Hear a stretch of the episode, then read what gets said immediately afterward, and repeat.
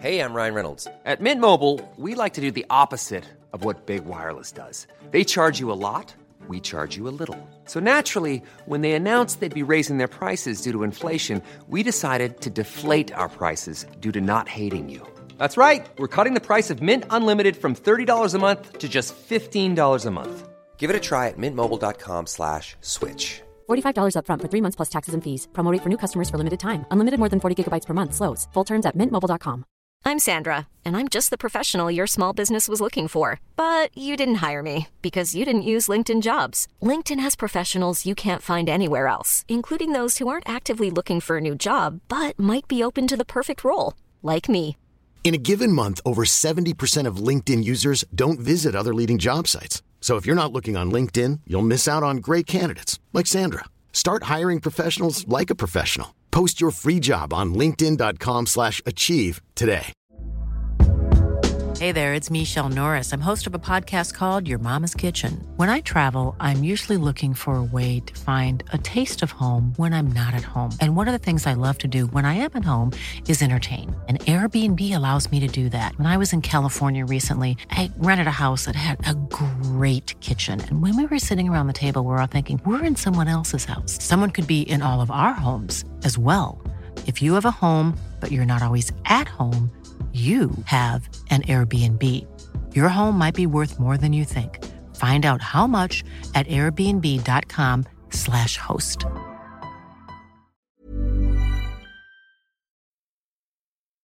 Ja, Øystein, er du klar for pod? Jeg er så klar for pod. Det har vært ei kjempespennende uke for meg. Har det det, ja? Ja, jeg er jo lettantennelig, så nå har jeg liksom fått en litt sånn ny dille. Jeg har vært på sånn urban exploring. Ja, ja, ja. ja, Så ja. eh, nå har jeg gått meg helt fast i gammel, spennende teglsteinsbygg. ja, men nå sitter vi jo på stabburet igjen, Ja, vi gjør det. og vi er klare for pod. Vi er klar for pod, og vi har med oss en spennende gjest her på Stabburstudioet. Så det er bare å kjøre i gang. Da kjører vi pod.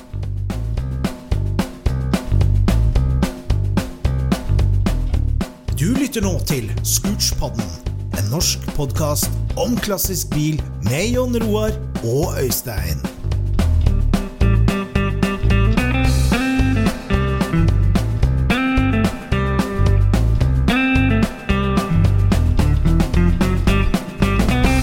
Ja, kveldens episode av Scootspodden. Her har vi altså fått eh, med oss en veldig spennende gjest, og det her er en mann vi også har hatt på, høyt på lista vår helt siden vi starta, som er en kar som, eh, som har satt spor etter seg i det norske billandskapet.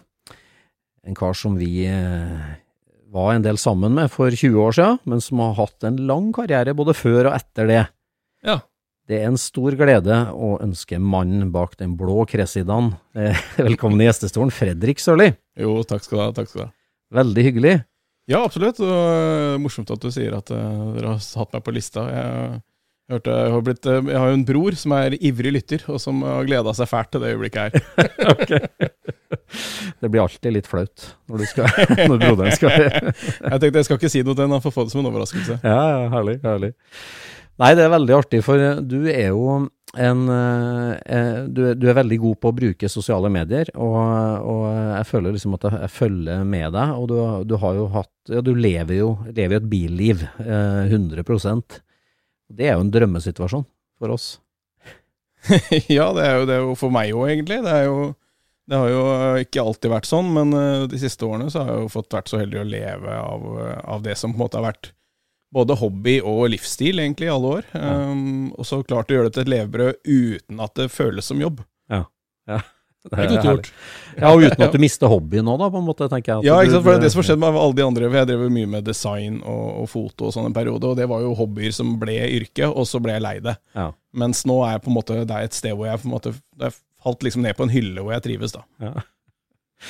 Nei, jeg tenker på det at eh, den derre Altså, min 16-årige sønn, da, som er, er litt bilinteressert, han liksom, altså, Fredrik Sørli kommer, det er, det er han som har sin egen meme.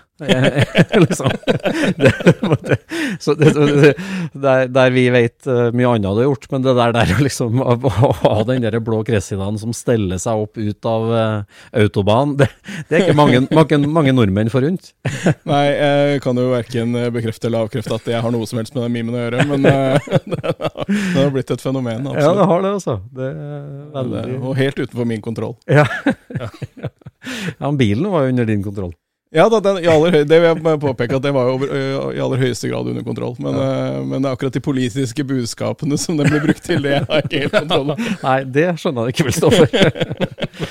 Nei, det, det, det er mange, mange meritter i, i bilverdenen i Norge. Du kan restaurere bil, eller du kan kjøre veldig fort, eller du, du har gjort mye av det, men akkurat det å få til en meme, det, det, Ja, det, det, det var jo ja, det er, det er, det er jo et merkelig, merkelig fenomen, hele greiene. Og det, det begynte jo Det har vel vært Den har vel gått et par år nå, nesten, tror jeg. Og Danny Trejo var en av de første som liksom gjorde den populær, og det var sånn absurd å liksom se sånn reklame for noe taco-greier. Så nei da, det, har tatt helt av og lever jo sitt eget liv helt uavhengig av hva jeg verken syns eller mener om det. Ja. Hvordan står det til med den blå kresa i dag, da? Jo da, den, eh, den ja, Ja. Den er jo ganske nedplukka akkurat nå. Den, eh, den, begynte jo å bære preg av min bruk, for å si det pent, da. ja. Jeg er jo ikke den som er kjent for å ha bilene stående under trekk på låven. Det blir jo brukt, og det, det, det, var synlige skader og skavanker etter det. Så den ble plukka ned og bytta nesten hele bakenden på den. Ja. Så nå, akkurat nå står den i Vågge som bare tomt skall, og ja. nettopp ferdig med å samblåse motorrom og sånne ting nå. Så er det litt mer sveising og noe bytting av noen kanaler og sånn, og så er det klar for lakk. Ja, er det den gode gamle trefotsjuken, at det skal mye med hester og alt sånt? Eller? Nei, egentlig ikke. Det er, mer, det er, jo mer et økonomisk spørsmål. Jeg gjør ikke så mye sjøl. Jeg er ikke noe veldig Jeg kan skru enkle ting og sånn, men jeg, jeg er ikke har verken kompetanse eller motivasjon til å restaurere en bil, så jeg er avhengig av litt hjelp fra en kompis der. Og da selvfølgelig så er det jo også et økonomisk spørsmål. Det skal tas litt over langen. Det skal ikke, jeg vil ikke liksom kaste masse penger på det og stresse med å bli ferdig med det. For den bilen den, den hadde jo en slags klar misjon. Sånn hvis jeg ser tilbake, så så står den på en måte for et vendepunkt i livet, egentlig, på mange måter. Både karrieremessig og personlig. Og den har på en måte gjort det den skulle. Den er, den er på en måte altså skal jeg si, den, den er, Det er ikke noe hast med å få den bilen tilbake igjen. Den har liksom vært uh, gjort, jobben, jobben sin, ja. og så skal den preserveres som et minne. For sånn som, sånn som jeg kjenner deg sånn løselig, så, så er jo en bil på en måte et verktøy for deg. Ja, det er kanskje riktig å si. Uh, at det er, det, ofte, det er, ofte, et symbol på, på, noe mer, og så er det absolutt et verktøy både jeg si, jeg både nyter det og har det gøy med bil, men, ja. men jeg også har en Det er ofte en, det er en jobb som skal gjøres òg? Ja, og det er, det er, ofte en litt langsiktig plan i det. Selv om kanskje ikke den planen er så tydelig, verken for meg eller andre, så, så er det på en måte en hele, si, hele filosofien alltid at lurer på hva dette kan føre til. Ja. Hvor begynte dette her, da? Med Cresidaen, eller? Nei, bil. Med, Fredrik Sørli. Ja, ja. Med fire hjul, kan man kanskje si. Det, det husker jeg jo ikke. Det er, jeg er Hvor gammel er jeg nå? 43? Altså, så er 43 år siden. ok. Nei da, det har jo alltid vært uh, en bilinteresse der. Uh, alltid vært fascinert av bil. Og da jeg var liten guttunge og sånn, så var jeg jo lekte jo med biler, bygde legobiler, og da jo, hadde jo fire hjul stort sett alt som jeg var interessert i. Men, men det var en uh, det har alltid vært en sånn livsstilsgreie. Jeg har vært interessert i alt hva en bil symboliserer. Kanskje ja. mer enn selve bilen i seg sjøl. Altså, sånn rent teknisk så er jeg ikke så interessert i bil. Jeg er ikke så veldig opptatt av alle skruer og bolter og hvordan, hvordan den er konstruert og sånn. Jeg er mer, mer, opptatt av hva den forteller. Altså hva, hva, hva, slags type bil er det, hvilken historie har den, og hva Og så dømmer jeg også ofte biler etter om de er vellykka innen sin sjanger. Altså er det en om Hvis en bil skal være kul, så kan det godt være en bybil, men da må det være en vellykka, kul bybil. Ja. Og Da kan jeg like en bybil. så Det er ikke noe sånn at jeg bare er interessert i racerbiler eller sportsbiler, eller noe sånt, men jeg, men jeg er alltid sånn fascinert av hva en bil ja, hva, hva, slags, hva, hva, slags, arbeidsoppgaver den er designet for å ha. Ja, det her er tanker vi liker, Øystein. Det her er kjempespennende. Nå har vi en slags motpol, eller, eller det er annet perspektiv for oss òg. Det er kjempe, kjempekult, Fredrik. Ja, det er kanskje litt uh, atypisk på en måte for en bilsportsperson uh, å, å, ha et sånt forhold til bil som jeg har. Men, uh, men, jeg, men, jeg, merker også at det er ganske mange, når man begynner å snakke med dem om det, så er det sånn ja, ja det har jeg kanskje ikke tenkt på, men det er jo ofte det Ofte så blir man jo trukket mot en bil basert på et design eller en historie eller et eller annet som, uten at man kanskje helt setter seg ned og tenker over hvorfor. Mm. Men så har jeg alltid vært litt sånn opptatt av hvorfor liker jeg denne bilen, hva, hva er det med den bilen som er interessant? Ja, men Som, som utdanna designer, da, eh, så Mm. er- det, er det bilens formspråk og linjer som, som er det som vekker følelsene hos deg, eller er det, altså, er det motor, motorlyden eller størrelsen, eller altså Nei, det er vanskelig å svare på. Jeg tror det er en kombinasjon av masse forskjellige faktorer, og jeg tror det kan variere veldig. Noen biler er jeg kanskje interessert i kun pga. design, mens andre er jeg kanskje interessert i til tross for en litt dårlig, dårlig design. Gi oss et eksempel Gi oss et eksempel på en, en bil som du er veldig glad i av Ja. Da må, da må jeg faktisk da må jeg trekke fram eh, en av mine aller beste venner, Alexander Istad, som også er en veldig dyktig kappkjører. Og hans drømmebil har jo alle år vært eh, Eller han har i alle år hatt en drømmebil som han nå endelig har fått kjøpt. da. Og, og det er jo kjent for å være en av de både styggeste og dårligste bilene i verden. Og jeg syns jo den er helt fantastisk kul, og han har jo kjøpt seg den DeLorean DMC12. og jeg, jeg syns jo den er helt fantastisk. Ja. Men, men, jeg, men den er jo også liksom sånn, den er fantastisk pga. historien bak, og Ja, kultur altså, ja, kulturhistoriske verdien. Og, ikke sant? Den har liksom vært eh, en slags del av popkulturen, da, mer enn den har vært en del av bilkulturen, egentlig. ja, det er sant. Det er jo en utskjelt bil. i- hvert fall. Ja, ikke sant? Og så det eget også syns jeg det er helt fantastisk at han da, som har samla på DeLorean lekebiler siden han kjørte gokart, eller før det også, har nå endelig har en sånn stående i garasjen. Og det, den gleden deler jeg så veldig. Gjør det? Ja.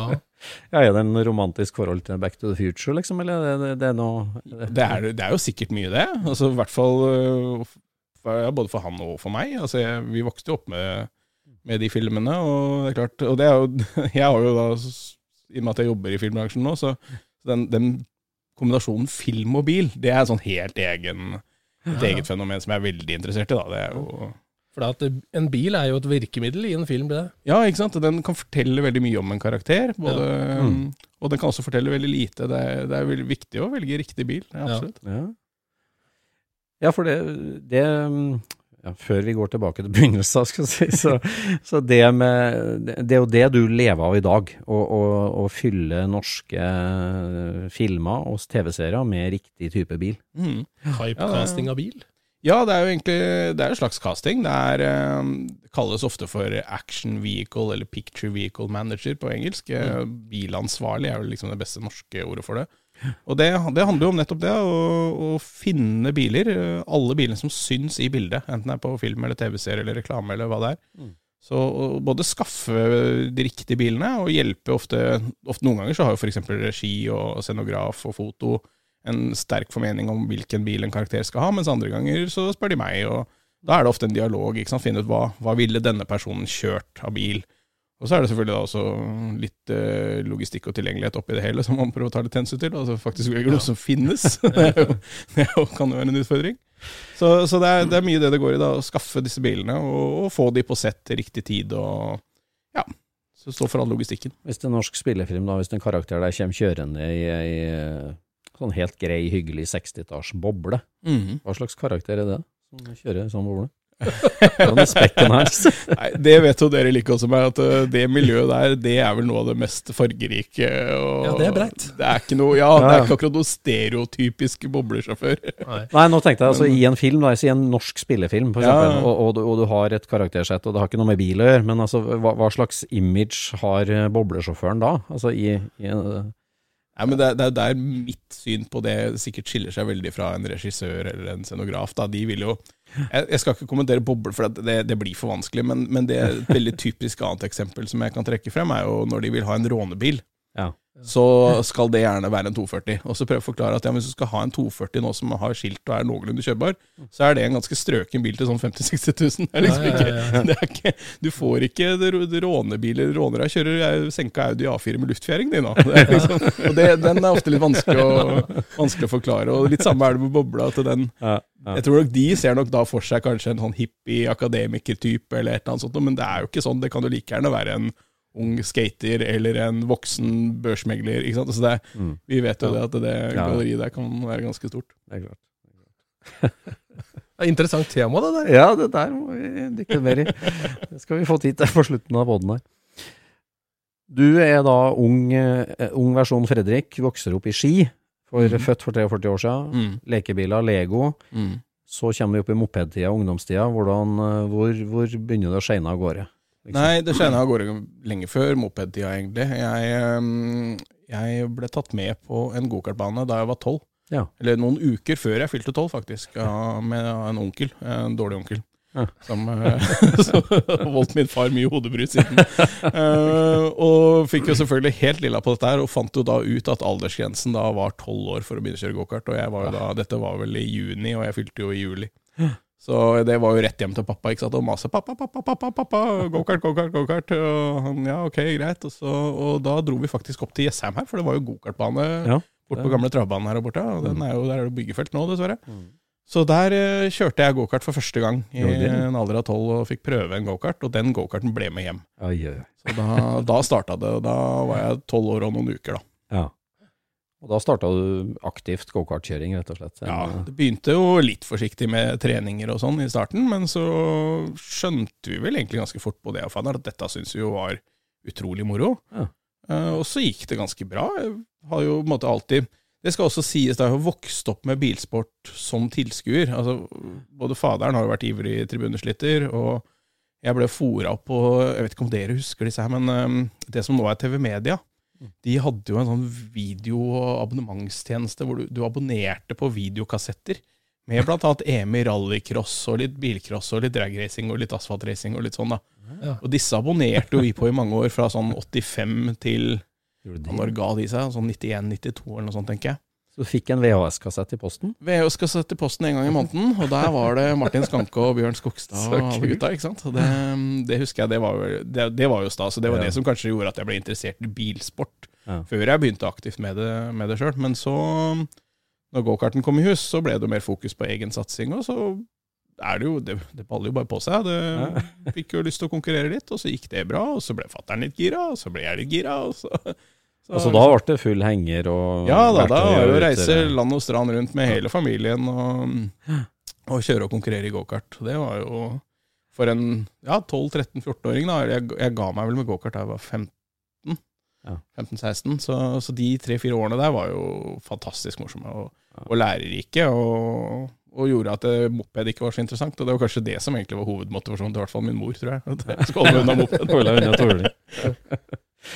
Tøft. Hvor langt tok du det i gokarten? da? Hvor mange kubikk var du på da i 15-årsalderen? Jeg ga oss på 100 kubikk, men vi kjørte siste året så kjørte jeg en klasse som het Intercontinental A junior. Og det var en sånn litt verstingklasse da. Det var liksom hakket under Intercontinental A, som var den store klassen, men det var den juniorklassen, så jeg kjørte jo mot noen av disse tidligere Eller de som senere har kjørt Formel 1 og litt sånt noe. Og, og det, vi var ute og kjørte litt nordisk og europeisk mesterskap og noe prøve-VM og litt sånne ting, så det ble ikke uten noe sånn voldsom suksess, men, eh, men det var en fantastisk opplevelse. Ja, ja. Jeg lærte deg alt om eh, ratting, vil jeg tenke meg. Altså. Ja, det gjorde jo det, og det, det er det som la grunnlaget for egentlig ja, det jeg driver, mye av det jeg driver med i dag, faktisk. Det, Var det, var det dårlig regndekk som gjorde drifting-abilityen? da, ja, det er du, du er nok inne på noe, skjønner du. For jeg, jeg syns jo det var veldig gøy å trene når det regna. Den interessen delte jeg ikke med min far. Eh, Som ikke syntes det var like gøy å stå ute og skru i regnvær. Men jeg, jeg maste jo alltid om å få dra og trene hvis det var regnvær. Det gjorde jeg. Jeg elska jo å sladde rundt. Og, men det, men det, er for, det er en sånn mestringsgreie, tror jeg. At det, jeg har alltid vært opptatt av å mestre. Eh, og mer enn farten. Eh, farten Ja. har liksom ikke vært så interessant. Men det å mestre kjøretøyet altså, i alle situasjoner, det har alltid liksom vært kanskje det som har stått øverst på lista. Så, så de to første gokartløpene jeg vant, var jo faktisk på regnvær. Ja, uh, og husker også vi var og trente i, mm, før EM i Italia. Og vi var jo desidert dårligst av alle på disse italienske banene. Det var jo så mye grep i banen, og vi kjørte på sånn supermyke dekk. og jeg satt jo bare der og hadde jo vondt i hele kroppen og skjønte jo ingenting av hvordan dette funka. Og så plutselig begynte det å regne, og da var vi jo soleklart raskest. så, så det er vel kanskje en sammenheng der. tøft, tøft. Ja, Drømmeoppskrift det er jo et dårlig regndekk og stiv bakaksling. Ja, ja, ja. Nei da, du kan, eh, kan drifte fint med gokart, altså. Ja, ja. Absolutt. Ja, så, så etter, eh, etter eh, sisteplass i EM i gokart Nei. Ja, jeg tuller. Altså etter eh, gokartkarrieren da ja. ebba ut mot 16-årsalderen, så da, da, da ville du fortsette på firehjul og ikke gå på 50 kubikker eh, Suzuki. Ja, det ble litt stusslig med, med moped da. Så nei, vi var litt heldige, fordi at eh, omtrent i det momentet at det, på en måte, gokart begynte å bli dyrt, Ja. Og vi begynte å se litt, ok, skal vi fortsette et år til i gokart nå, så vil det koste veldig mye penger. Så senket de aldersgrensen i Sverige på Formel Ford. Ja. Og vi lagde en sånn juniorklasse, og da var det Jeg tror det var bilene måtte ikke være nyere enn 1988-modell eller noe sånt, og dette var jo 93, tenker jeg. Så det var liksom fem år gamle biler da, som, eh, som du kunne kjøre fra du var 16, så da, da kjøpte vi en sånn en. Så midt i 93-sesongen, egentlig, etter å ha kjørt nordisk og et par andre løp, så fant vi ut at nei, vet du hva, nå legger vi gokarten på hylla, og så kjøper vi en ordentlig rasebil. Ja. Så da dro faderen her på roadtrip til Danmark og henta en Form Ford, husker jeg, det var jo for en 16-åring ganske mye kulere enn å ha moped. vil. Det var en veldig støttende far, da. Ja da, det var eh, Han har virkelig Ja, han har jo vært helt fantastisk i alle år og, og backa opp og både, både meg og søsknene mine. Så det, og det er man avhengig av. Jeg tror at uh, uten, uten en far som både er villig til å stille opp og hjelpe til, selvfølgelig både økonomisk er jo Altså, du har jo ikke sjans til dette her på egen hånd i den alderen, så du er jo prisgitt foreldre på sånn sett, men, men også den moralske og si, den psykologiske delen av det. Fordi det er veldig varierende. Noen fedre er jo veldig harde på å pushe, og liksom det skal være veldig fokus på resultater. og Mm. Fattern har liksom alltid latt oss få styre det sjøl, og holde på sjøl. Har aldri vært noe og alltid vært veldig sånn laidback, og det, det tror jeg har vært veldig fint. At det ikke har vært noe press. Så det var alltid morsomt å kjøre. Ja, ikke sant? Alltid bare vært gøy. Ja. Det, og så selvfølgelig så er det jo jeg som egentlig er vinnerskallen eh, her. For jeg er jo aldri fornøyd med en andreplass, men fattern han bryr seg ikke. Ja, Formel Ford, ja, men da måtte du til Sverige for å kjøre, da, eller? Ja, da kjørte vi i Sverige. Ja. Så kjørte noen løp da i 93, og så Nei, vent, da. nitt- jo, det må ha vært 93, ja, og så kjørte vi full sesong i 94. Ja. Og det var liksom første sesongen min med, med bil. Ja. Og da, da var det også Det var ikke så mange med, men det var noen kjente navn. Fredrik Larsson, blant annet, som senere har vunnet Porsche Cup og Ja. vært en av de toppførerne i, i Sverige den perioden der, husker jeg var innom. Og så den juniorklassen da, så var ikke det en gjeng 16-åringer egentlig da, som Ja, det var det. Det var, vi kjørte liksom. jo noen ganger sammen med de voksne, men i utgangspunktet så var det vel eh, Eller det kom, var nok kanskje ikke før senere, så vi var vel bare maks 16. Alle. Nei, også var det, det var fra 16 til 18, tror jeg det var kanskje det var. Hva slags motor motorer var det i Formel Ford da? Det er en, det var det en 1600 Kent-motor. Ja. Så Det er den gamle 1600-klassen. Ja, Som jeg fremdeles mener er de beste Formel Ford-bilene som noen gang er laget. Det er eh, enkel og grei eh, 1600 Kent-motor med enkel forgasser og Var det stort steg opp fra gokarten? Sånn, eh, Nei, hastighetsmessig så var det jo langt ifra. Det var Ja. jo tvert imot, egentlig. Ja. Det er, eh, første reaksjonen min jeg prøvde for ut, var at det, det gikk ganske sakte. og, ikke minst så var det utrolig glatt. Men uh, ja, ja, fordi gokart er jo hastighetsmessig Den, føl, has, den fartsfølelsen man får i en sånn versting-gokart, det er jo helt uh, ja, det er helt brutalt. ja, det, For alle som får mulighet til å prøve det, så er det bare å hoppe i. Altså, for at det er en det Ja. så det er helt eksepsjonelt. Men, uh, men det er klart, det Jeg liker samtidig, så husker jeg at jeg, jeg likte følelsen av å kjøre noe som var større, som var litt mer å håndtere. Ja. Og da er vi litt tilbake til den mestringsfølelsen igjen. ikke sant? At eh, en, en bil er litt mer masse. Du må tenke litt mer. Det er mer som skjer, det er mer vekt. Det er liksom um, Ja, du må hva skal jeg si, bruke huet litt mer, rett og slett. Ja. Så det var en riktig, et riktig steg for deg, det, og, og et godt steg ferdig. Ja. Utfordra deg. Ja, det var jo det. Det var, det var nok veldig for min altså, Nå skal ikke jeg påstå at jeg hadde noen lang karriere uansett, altså, men, men at det var et riktig valg av oss å ikke fortsette med gokart, men heller satse på formbil, det tror jeg nok. Ja. Mm.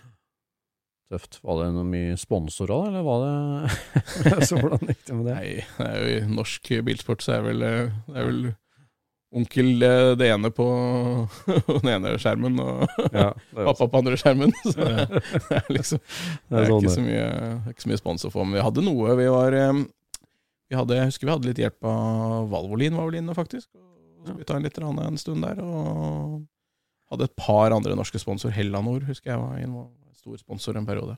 Men det var, det var vel de to sponsorene jeg hadde et par år, og så utover det så var det Så nå, nå, dette er vel kanskje den mest valuta de har fått for den sponsinga. Support your local Valvoline. ja, ikke sant? Ikke sant? Men, eh, men eh, sånn personlig for deg, da. 16-17 år, du kjører Formel Ford, det er stort. Er det da sånn liksom, nei, utdanning får vente, nå skal jeg bli Formel 1-sjåfør? Er Går du helt om bord, eller er det liksom Ja, hvordan hva rører seg i hodet der? Ja, nei, vi, det var jo ikke mer krevende det vi holdt på med, at det gikk fint å kombinere det med skole. Jeg skal ikke påstå at jeg gjorde det veldig bra på Eller det vil si, jeg gjorde det veldig bra i de fagene jeg var interessert i, Ja. men det var en del fag jeg ikke var interessert i.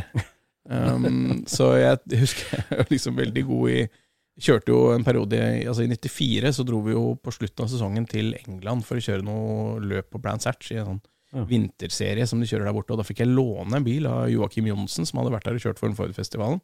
Og den bilen han sto igjen der borte, så den fikk jeg låne da for å kjøre dette vinterserieløpet. Ja. Og, og det løpet mm, gikk jo såpass bra at det Og det var faktisk også i øspøs regnvær, så jeg, jeg ser jo fellesnevneren her nå. Eh, da totalvant jeg det løpet, eh, og da var det vel en rundt 30 biler med, men det som var interessant der, var åtte av de bilene var disse nye 1800 CTEC-bilene, som jo skulle gå en del raskere. Ja. Så, og da var det blant annet han Narayan Kartikeian fra India, som senere har kjørt Formel 1 og litt sånn. Han eh, var jo den hardeste konkurrenten i det løpet, så, så det var litt spesielt at vi, det gikk såpass bra der. Og da, da fant vi ut at vi skulle prøve å satse litt i England. Så, så sånn, for å gå tilbake til skolen altså Jeg gjorde det bra i engelsk, men ikke så mye annet. Akkurat. Så ny bil, eller så, lånt bil og Brands Hatch for første gang, og så vinner du i Ja, ja. ja.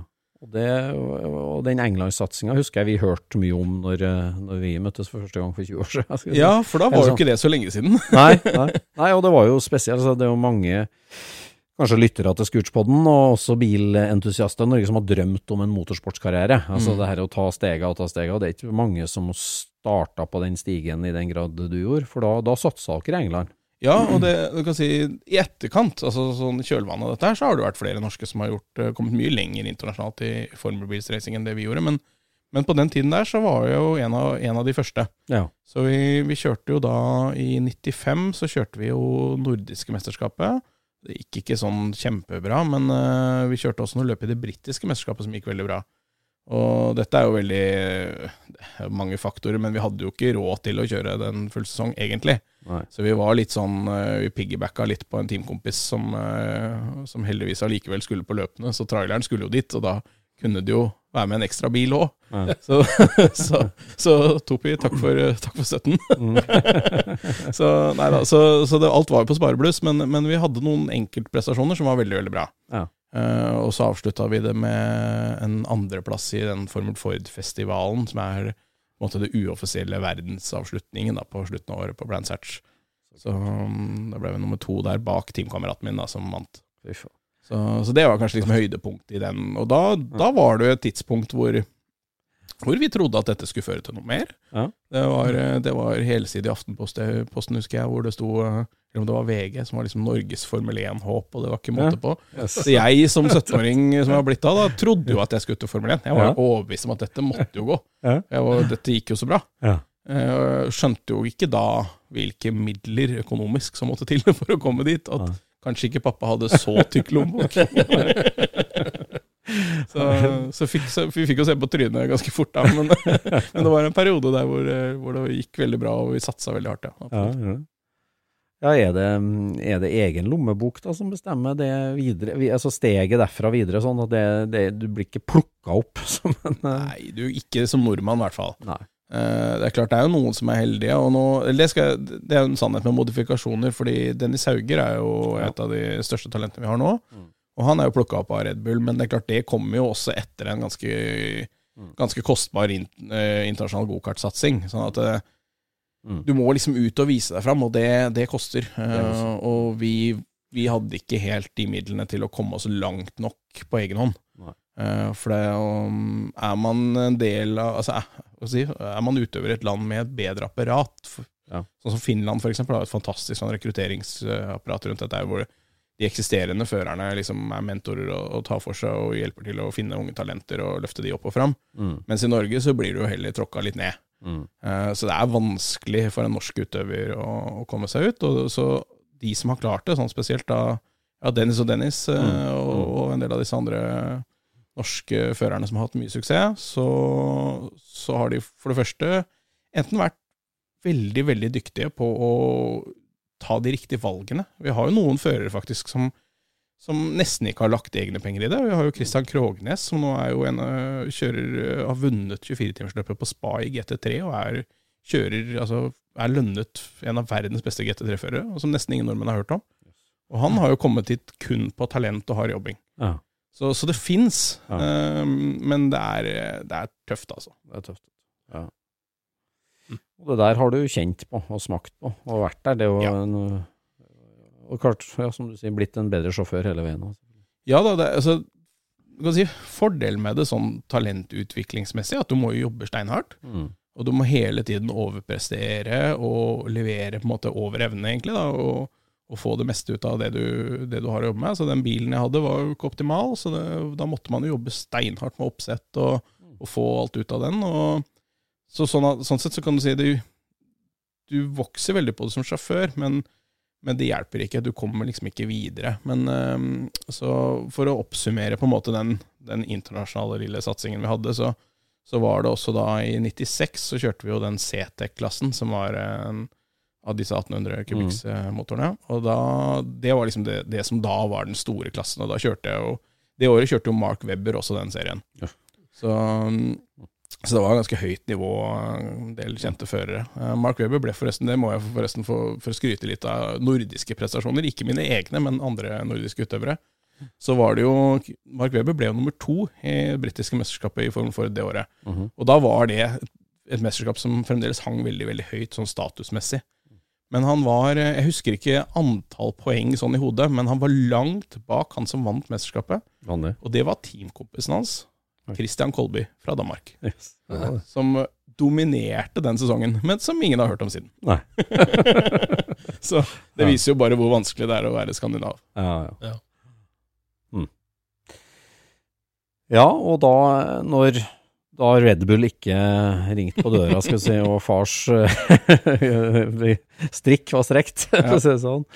Hvor går, går du da, Fredrik? Nei, da, da? da gikk jo ferden hjem til Norge igjen, da. Mm. Og tenkte ok, hva gjør vi nå? For vi så jo det at det å satse et år til i formelbil, det blei altfor dyrt. Mm. Så vi begynte å se litt eh, på muligheter i Norge, og det samme året så hadde vi jo starta med det som het Chrysler Neon Cup i Norge. Så vi tenkte at det er det vi har råd til å gjøre. Vi har brukt opp alle penga våre, og vi har ikke noe det, Vi kommer ikke til Formel 1, så, men jeg hadde jo lyst til å kjøre racerbil. Så vi fant ut ok, det er det vi kan klare. Så vi kjøpte en eh, Kjøpte en sånn Chrysler Neon, Mm. og kjørte to år her hjemme med den. Ja. Og Det, var jo liksom- stort. Eh, Det var en stor cup. det var en fantastisk eh, klasse, og det var jo For det første så var det mange med. Altså det var jo, Jeg tror vi var oppe mot 30 biler på noen av løpene.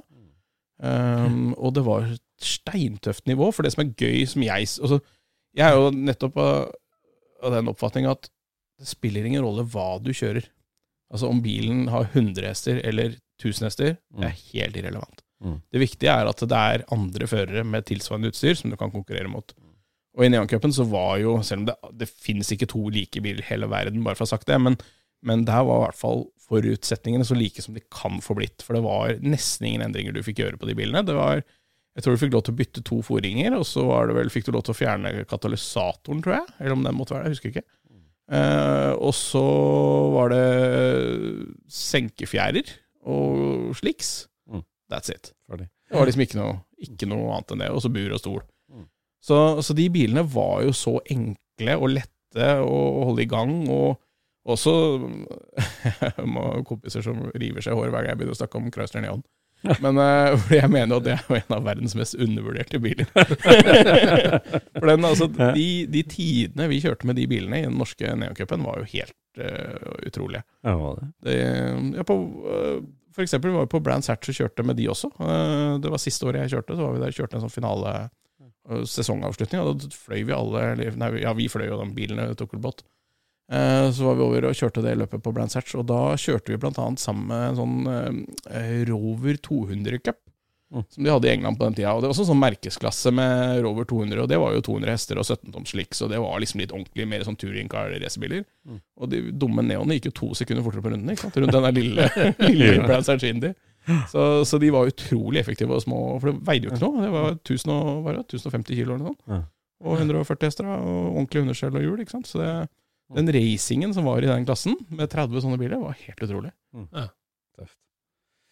Men for deg, da, det, det var liksom det var kjøringa du konsentrerte deg om, eller ble, Mhm. ble det mye mekking og mye sånt? Det var altså Fokusen for deg var kjøring? Ja, Fokuset for meg var bare kjøring. Jeg hadde jo ikke noe greie på, på den tida der, så jeg hadde nok for det første ikke greie på det, og egentlig ikke noe sånn veldig interesse heller for, for det tekniske rundt bilene. Så hadde jeg klart, hadde jeg visst det jeg vet nå, så hadde jeg nok fokusert mer på å få den bilen optimal, fordi det var jo ting der som I og med at du ikke får lov til å gjøre noe, så er det lille man gjør, er så viktig. Så, så på slutten så begynte vi å skjønne det, og da skjønte vi sånn som for eksempel, da, så var jo de bilene litt følsomme på oppsett, for det, du måtte sette dem opp veldig ekstremt.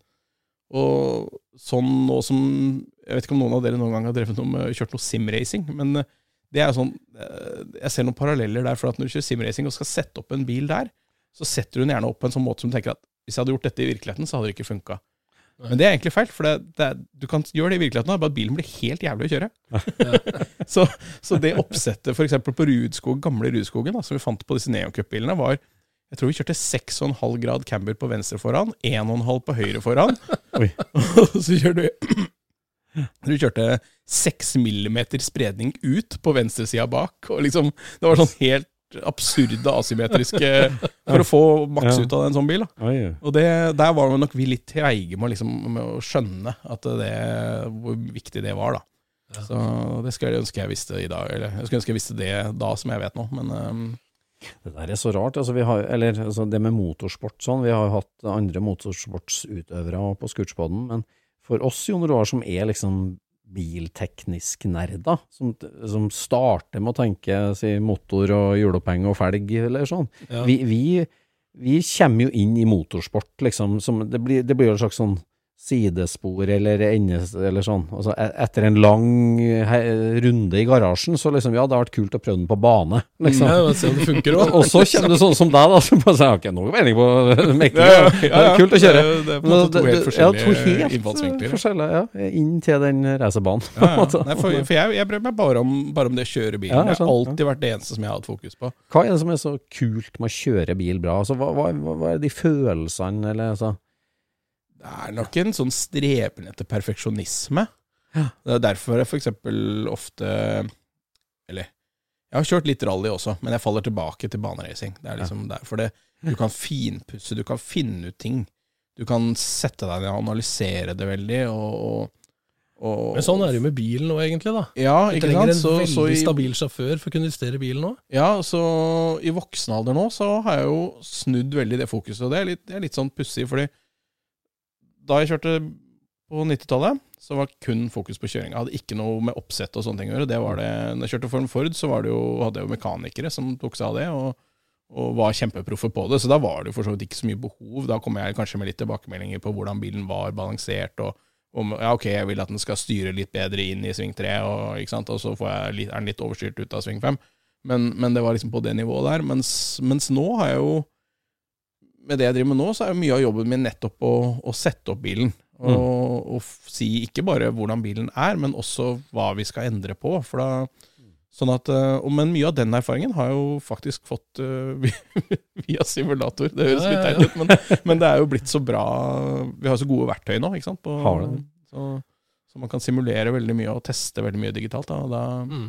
så nå har jeg fått en mer, si, en, en mer en interesse for det enn jeg hadde før. Det er kult. Ja, for vi, vi må jo tillate oss bare å, hoppe litt i det, på en måte, selv om det kronologisk ikke er riktig. For simracing, sier du. Altså, Mm. For du, du er ganske aktiv utøver av å kjøre bilsport på dataskjermen, du.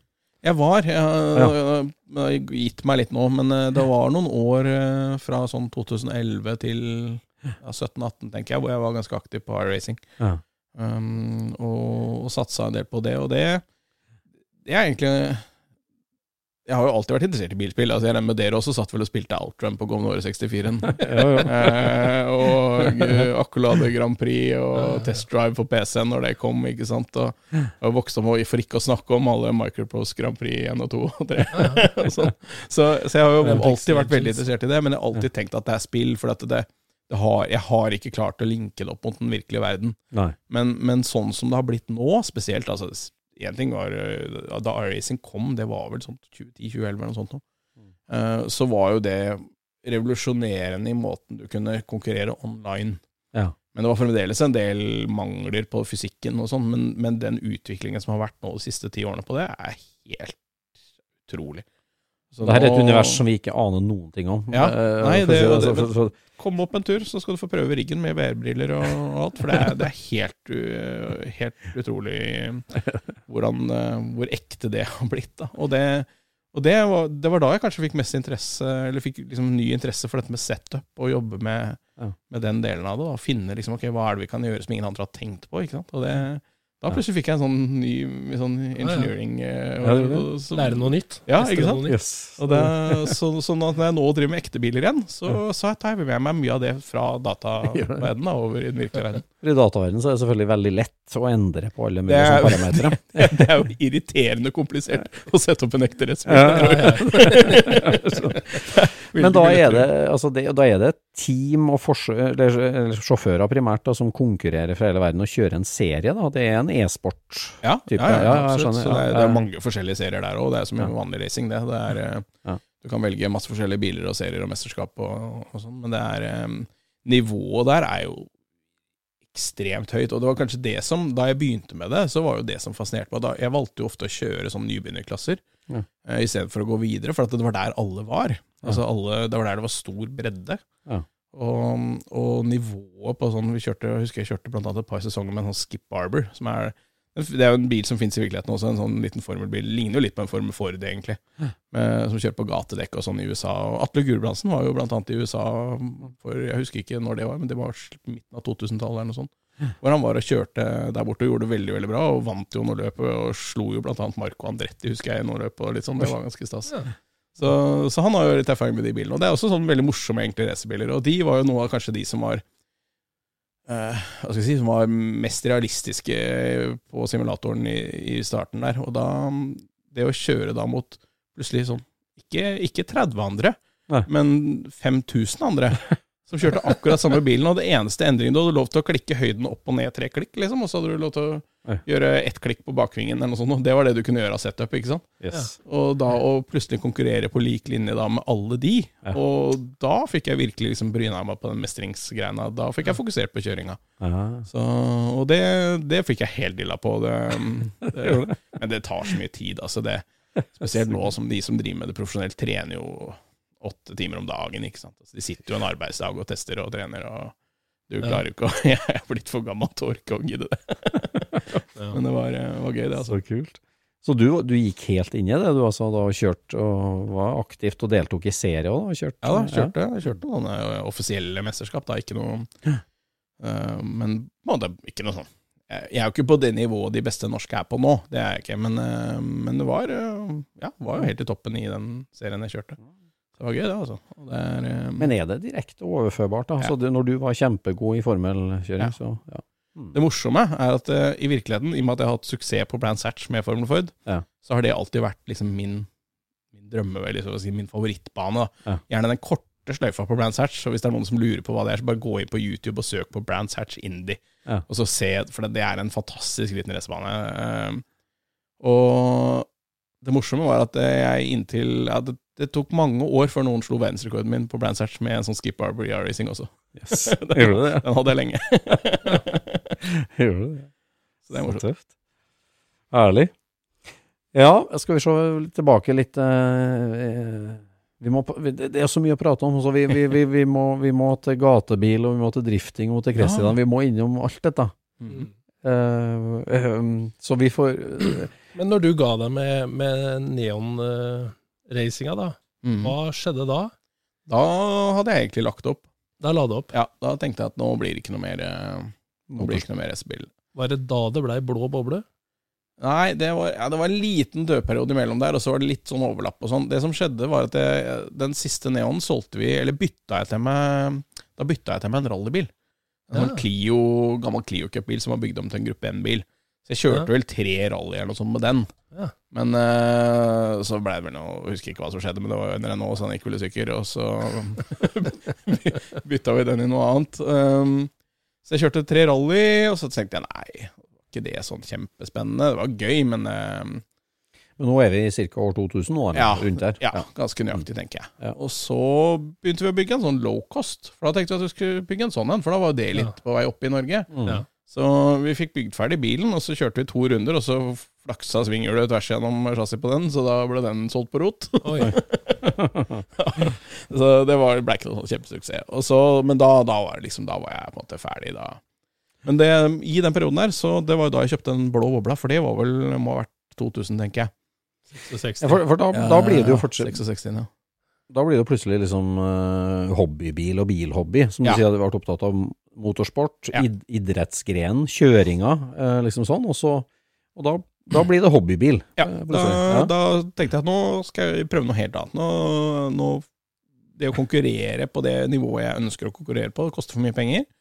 Og det er liksom ikke nok alternativer, så det fantes ikke noe merkesgruppe i Norge som var interessant. Og, og da ble det litt sånn, nei, vet du hva, da men, men boble også var jo sånn Det var jo ikke med vilje, det heller. Det var jo bare at jeg skulle ha en billig bil, for jeg jobba nede på Harald Heusmann Karting på Alnabru, og så bodde jeg oppe på Rasta på Lørenskog. Så jeg trengte en bil å kjøre de ti Ja. minuttene til og fra jobb Ja, ja. Ja, ja. med. Og så hadde jo nettopp Det var vel omtrent det. Og liksom bomringene begynte å bli dyre. Og, og liksom Årsavgifta syntes jeg var litt dyr. Jeg hadde jo ikke noe penger, ikke sant. Så jeg tenkte jeg skulle bare ha en billig, billig bil, jeg. Så jeg tenkte bruksveteran. Det er bra, for da slipper jeg å betale årsavgift. Og liksom det går an å Så du tar av skiltet foran, slipper å bomme og sånn, ikke sant. så, så det var det det begynte med der òg. Men det er jo, det vet jo dere veldig godt, at etter første prøvetur jeg boble, så er det jo solgt. Da, Ja, det det. da, var, det jo, jo boble for alle penga, bokstavelig talt. Nei, for jeg husker det at jeg var, kult, eh, var på Bugrun i, i Sverige. mm. I, det må jo nesten ha vært 2000, tenker jeg. Ja, det kan nok stemme. det. Eh, og der var det plutselig en, eh, en blå 66 med hvit pinstriping Ja, ja, ja. og stuk og Å ja, vi kan jo ikke Altså, det tok vel én uke fra jeg fikk den bilen. Det hadde begynt å jeg vet ikke om det, det var vel ikke Det var vel webcrawler eller noe sånt kanskje jeg satt på for å finne For å søke etter deler til den. Og hva som var kult, eller om det var Yahoo eller eh, et eller annet sånt noe. For du var i hvert fall Du var midt der du skulle være, altså, eh, sånn stilmessig på den bilen. Det var sånn bare ah, Her er det en som har lest de gamle Ja, jeg husker ikke hvor jeg fant liksom inspirasjonen. Det må jo ha vært mye Volkswagen, tenker jeg. ja. Det fantes vel da, så jeg kjøpte vel sikkert det. Og så, men jeg har alltid vært litt sånn, og det var du så vidt inne på, jeg husker ikke om det var før eller etter vi skulle på mikrofonen her, men, eh, men i hvert fall den der at jeg, jeg alltid liksom Hvis jeg har kjøpt en bil da, som er litt spesiell, som på en måte er noe som jeg syns er litt moro, Ja. så kaster jeg meg liksom overalt av litteratur og informasjon, prøver å finne ut okay, hva er det som er kult med disse. Plukke opp strømninger og Ja, ikke sant? Og, hva, hva, og hva, ja, finne ut litt hva er kult, hva er ikke kult. Og så går man selvfølgelig Jeg hadde øyelokk et par uker, jeg òg, før jeg skjønte at det var måte bare få rive av igjen. Men Ja, men det har du virkelig en evne til, altså. Å være, være spot on der veldig tidlig. Jeg husker jo SSC nummer én, var ikke det? Jo, Jo, ja. i 2000 og 2002. Når du da rulla inn med lakserød oval der, Mm. så var det jo Altså for meg så kom du ut av intet, egentlig, da. Men altså, vi var jo en folkevogngjeng som hadde kjent hverandre veldig lenge. Altså, jeg hadde hørt om deg, på en måte. Men når du kom inn der, det var jo, det var jo helt rett, den bilen. Det, Ja, ja, ja. Vi, var mange som liksom drev og famla litt og forna, men så plutselig så rulla du inn her, så var jo Sånn skal det jo være, liksom. Du hadde jo plukka opp det, du. Ja, ja, både og. Det var jo litt uoriginale deler og sånn. Men, men ja, jeg, jeg falt jo veldig fort for den Calduc-stilen. Så, men, men kanskje ikke den kline stilen, men litt sånn den, den 66-en var jo veldig sånn inchpincher-inspirert. Altså det var. BRM, og det var senk foran Ja, det var en 1915 med doble 45-er. og det var liksom litt sånn, Men den var litt bøllete. Den var jo ikke strøken Ja, ja. på noen måte, så den skulle Nei. jo være litt sånn, den var litt røff i kantene. Eh, men så bytta jeg og oppgraderte jeg jo da egentlig. Ja, jeg tror jeg var innom en fire-fem bobler imellom også, altså, så det, det, ting skjedde fort her. Men, uh, men da ble det jo den uh, 56-modellen, som er den dere nevnte, mm. den lakserøde, som var eh, også var BRM og senk foran, og der var det vel den 18 T-bars, 35 med 48 Idia og T-bars, og ja, ja. Og Simpson-belter vet du. og Simpson-belter og MP-ratt og ja, han hadde liksom alt det riktige. Ja. Så, men det var jo fordi at det var det jeg syntes var kult. Det var jo kanskje ikke så mye sånn bevisst at jeg ville være trendy, selv om det var jo en veldig sånn Calduc-trend i den perioden. Det var det. Det var en vind som var akkurat da, kan ja, du si. og jeg, jeg tror jeg bare ble Det var nok mer det at jeg bare ble dratt med i den, men det Ja. var nok kanskje litt jeg var nok kanskje tidlig på den, på en måte, for det var jo ikke så mange av oss. Nei. Det var jo av Cal-dukere på Gardermoen det året, var jo 11-12 biler eller noe sånt. Men så vil jeg jo si altså at du Det her er jo starten av forumstida, Ja, det er det nok. eh, og der, der var du jo på ballen. Ja, jo- ja, for jeg jobba jo med webdesign og, og, Ja. og internett, så det var jo naturlig sikkert for meg å oppsøke det. Ja. Så jeg var vel aktiv husker der. jeg, eh, husker jeg en film som het 'Burnaway in Oslo'. Ja, stemmer det. Sammen, sammen med Jansson og gjengen, det. Ja, Ja. ja, ja. ja. Det var moro. Det Burna vi røykla plassen bak. Jeg husker den. Og du var vel faktisk med den kvelden som vi burna i Lier òg, tror jeg? Det Ja, høres, uh, høres skremmende, skremmende kjent ut. Jeg det. Jeg, jeg, hvis, det er, hvis det er burning, så er jeg ofte i nærheten. Ja, ja, ja. Ja, det kunne ha leda oss inn til Burning-filmene, men vi- da hopper vi litt. Vi kan jo komme tilbake til Teknologi det. der òg. er herlig. Da eh, Men når du ga deg med folkevogna, Ja. da var du rett på neste strømning, Ja, men eller hva vi skal kalle meg det. med folkevogna. Jeg hadde jo 13 stykker da, på fire år, eller sånt, så det var, jeg var veldig aktiv en periode. Jo, jo, jeg sporer bare litt fram i tid her Ja. nå, ikke sant? Eh, vi skal spole ganske langt fram da, fordi at jeg ga meg med. Jo, ja, ja. eh, jo, det kan stemme, det, for jeg solgte jo Grunnen til at jeg solgte den 56-en, Mm. var jo fordi jeg skulle kjøpe meg driftingbil. Ja. Fordi jeg hadde sett på internett at eh, Hvem var det? Imamura, tror jeg. Som Ja. jeg senere ble kjent for For de som noen ganger liksom Som var med og oppdaga drifting på den tida der, så husker de jo den Apexi Power FC Nei, eh, jo, altså Apexi-sponsa hvite RX7. Og han som kjørte den, han kjørte nemlig tidligere en, eh, en brun A86, som jeg som, det var en video som jeg måtte laste ned. Da. Jeg tror jeg sto i to dager og lasta ned den. eh, på dobbel-ID. Ja, ikke sant? Og det, det var en uh, video som het Rally Kids, og det var da han og en til eller noe sånt, som kjørte på en sånn liten uh, driftingbane i Japan. Ja. Uh, dette var før den Ueo-videoen som alle andre refererer til, at dette Ja, ja. var en enda eldre en. Og det, Yes. jeg husker at det, det jeg tenkte åh, det. Det er liksom det ultimate. fordi at hvis jeg ikke kan konkurrere på tid, Ja. så Mm. vil jeg i hvert fall være han som er råest til å kjøre. Ja. Altså jeg vil vise hva jeg kan. For jeg følte jo at jeg hadde noe uoppgjort, egentlig. Jeg følte at jeg liksom aldri helt hadde fått vist, kanskje Mm. Eller, eller om det er Jeg vet ikke. Det er jo en slags sånn narsissisme oppi der, vet du. For det, det er jo sånn usikkerhet og sånn, sånn eh, behov for å, for å, for å måtte, vise hva man kan, da. Ja, ja. Eh, Men samtidig så var det nok også en dypere mestringsgreie i det også, at jeg, jeg ville se om jeg kunne gjøre det. Mm. Eh, Og jeg trodde jeg kunne gjøre det. Så, ja for, for nå er vi altså Hvilket år er vi nå? Ja, det blir 2003, det da, tenker jeg. Ja. Ja. Tre-fire, ja. Og da har jo kan si, gatebilarrangementet har jo pågått noen år i Norge Ja. allerede. Mm. Men altså, altså begrepet drifting og, og det Vi kjenner at det kommer fra Japan. Liksom, Mm. Du var av de aller første nordmennene som på en måte plukka opp det.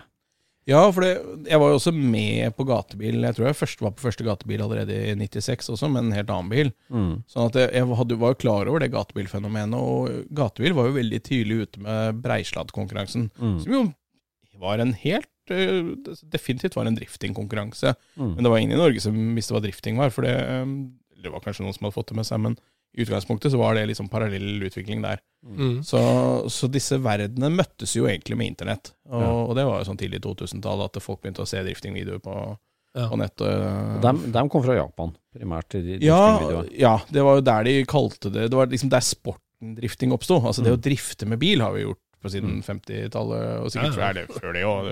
Mm. sikkert fra 1800-tallet, hvis du virkelig sporer langt nok tilbake. Så har det sikkert vært skrensa med vilje i alle år. Men, men det å gjøre det til en sport, det var det jo det, det var det jo i Japan at de gjorde. At de, de tok det liksom fra gata og, og fant ok, nå skal vi konkurrere i det å sladde med bil. Mm. Men enda mer ordna former enn på gatebil. På gatebil var det på en måte en sånn en del av et større arrangement. Det var en konkurranse på søndagen for eh, liksom avslutning på showet, men, men det var på en måte ikke det som var hovedfokus. Mens i, i Japan så var det jo rene driftingarrangementer. Men Breisladden var jo, som nå, på en måte den Mm. ene svingen, ikke Ja. sant? Ja. Så det, det med, å, med å liksom danse rundt på Rudskogen da, i, i, i hver sving hele runden og alt det der, det, Mm.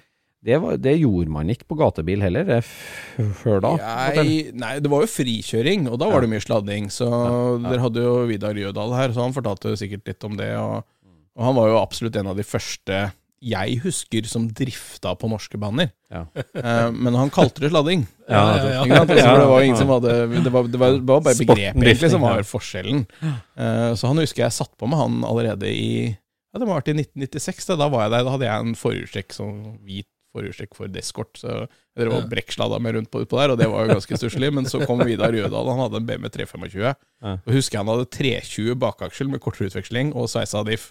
Og han drev jo slangen i andre gir inn i svinga, ikke sant? og låste jo bakhjula på gira og la den ut i sladd. Og jeg husker dette var jo helt for meg som racerfører, så var jo dette bare hva i all verden er det du driver med? Men så fikk jeg sitte på, jeg husker jeg syntes det var helt fantastisk moro. Ja. Så, så det var jo kanskje han som egentlig faktisk eh, sådde det første frøet der, altså. Ja, ja. Jeg lurer litt på det. ja. Så når du da sitter og ser på japansk video, og på en måte lyset går opp at her er det en arena og en type sport, her, her er det sport, og her er det ferdighet, og det er ikke, det, altså det er ikke, det er ikke nødvendigvis fart eller penger det handler om, det er Nei, og det, det jeg likte med drifting, var jo nettopp det. At du kan bygge en, en dyr, flott bil, og så kan du konkurrere med en billig enkelbil. mm. Og begge på en måte stiller litt på like vilkår, for det handler om kjøreteknikk, og det handler om Så lenge, så lenge bilen er i stand til å gjøre det du ber den om å gjøre, så, så spiller det ikke så mye rolle hva den koster, da. Ja. Så jeg følte vel at det var kanskje en, en mulighet for meg til å om ikke konkurrere, så i hvert fall ha det moro uten at det kosta for mye. Mm. Så, så da, og da solgte jeg denne 56-modellen bobla, som jeg jo angrer litt på, for jeg, spesielt når jeg tenker på hva jeg fikk for den. Så, en bergenser som var veldig sikkert grir seg i henda ennå. men, øhm, men da kjøpte jeg en, øh, en tidligere øh, gruppe A rallybil fra øh, som, Det var vel Per Engseth som bygde tror jeg. Jeg er litt usikker på hvem som bygde den, men jeg vet i hvert fall han kjørte i, i rally et år, og ble vel norgesmester med den bilen. Mm. Um, Elverum, står det store sønn. Mm. står det sånn? ja. Helt riktig. helt riktig. Nei, så jeg, jeg kjøpte den, og da Det var jo opprinnelig en rallybil med grusunderstell, og sånn, så jeg husker jeg fikk satt på noe altfor kort og stive fjærer da, på disse grusdempera, og fikk dratt meg på Rudskogen og prøvd å sladda litt med den. Og det Da var jeg jo liksom Jeg er ganske sikker på at jeg var den første i Norge som kalte det jeg drev for med drifting. Ja. Selv om jeg sikkert ikke var den første i Norge som drifta, men så var jeg liksom den første som hadde litt fokus på dette med å stille opp sladden tidlig før svingen, og liksom ha med farta, og, Ja. og kjøre på sladd hele banen. Og det, det var liksom det, det husker jeg det, det var jo det var litt nytt og spennende og litt eksotisk og, og, og moro. Men jeg var jo også samtidig veldig alene, da. Var, alle lurte fælt på hva du driver med. Liksom, går ikke å kjøre sånn, det der går jo ikke fort. Nei, Hva slags, hva slags bil var det? Du sa ikke det var en eh, Corolla sånn A86 Ja, eh, ja, som man heter, altså den med lite koffertlokk. Ja. Um, Jeg tror det er den eneste sånne bilen jeg har sett i Norge. Jeg har ikke sett flere sånne. Nei, det fins jo et par Ja, den kupeen så er det nok ikke så mange, nei. Denne, denne kjøpte jeg faktisk rett bort på Kløfta her, av Bjørn Tore Teigen.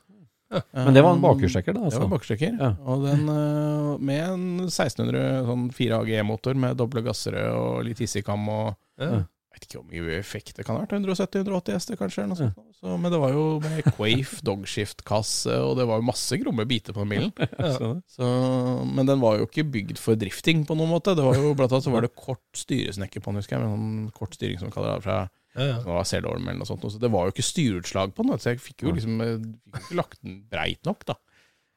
Men da, da begynte du å gjøre oppstillinga, kan du si, og, Ja. og, og trene på å Ja, og så Kjøre pent, ja. fikk jeg med meg Kenneth Moen på dette her. ja. Er, han hadde også kjørt mye racing og rally, og er jo øh, også en fyr som liker å leke litt, og, og god, alltid kjent for å ha veldig god bilkontroll. Så han også hadde begynt å kjøre på gatebil, og jeg husker ikke helt rekkefølgen, for at alt dette skjedde veldig, veldig veldig fort. Mm. Men jeg kjøpte nok denne bilen på sommeren, og så ble jeg kjent med Kenneth da i løpet av den sommeren. Og så kjøpte han også en bil, om han hadde en bil fra før, det husker jeg ikke.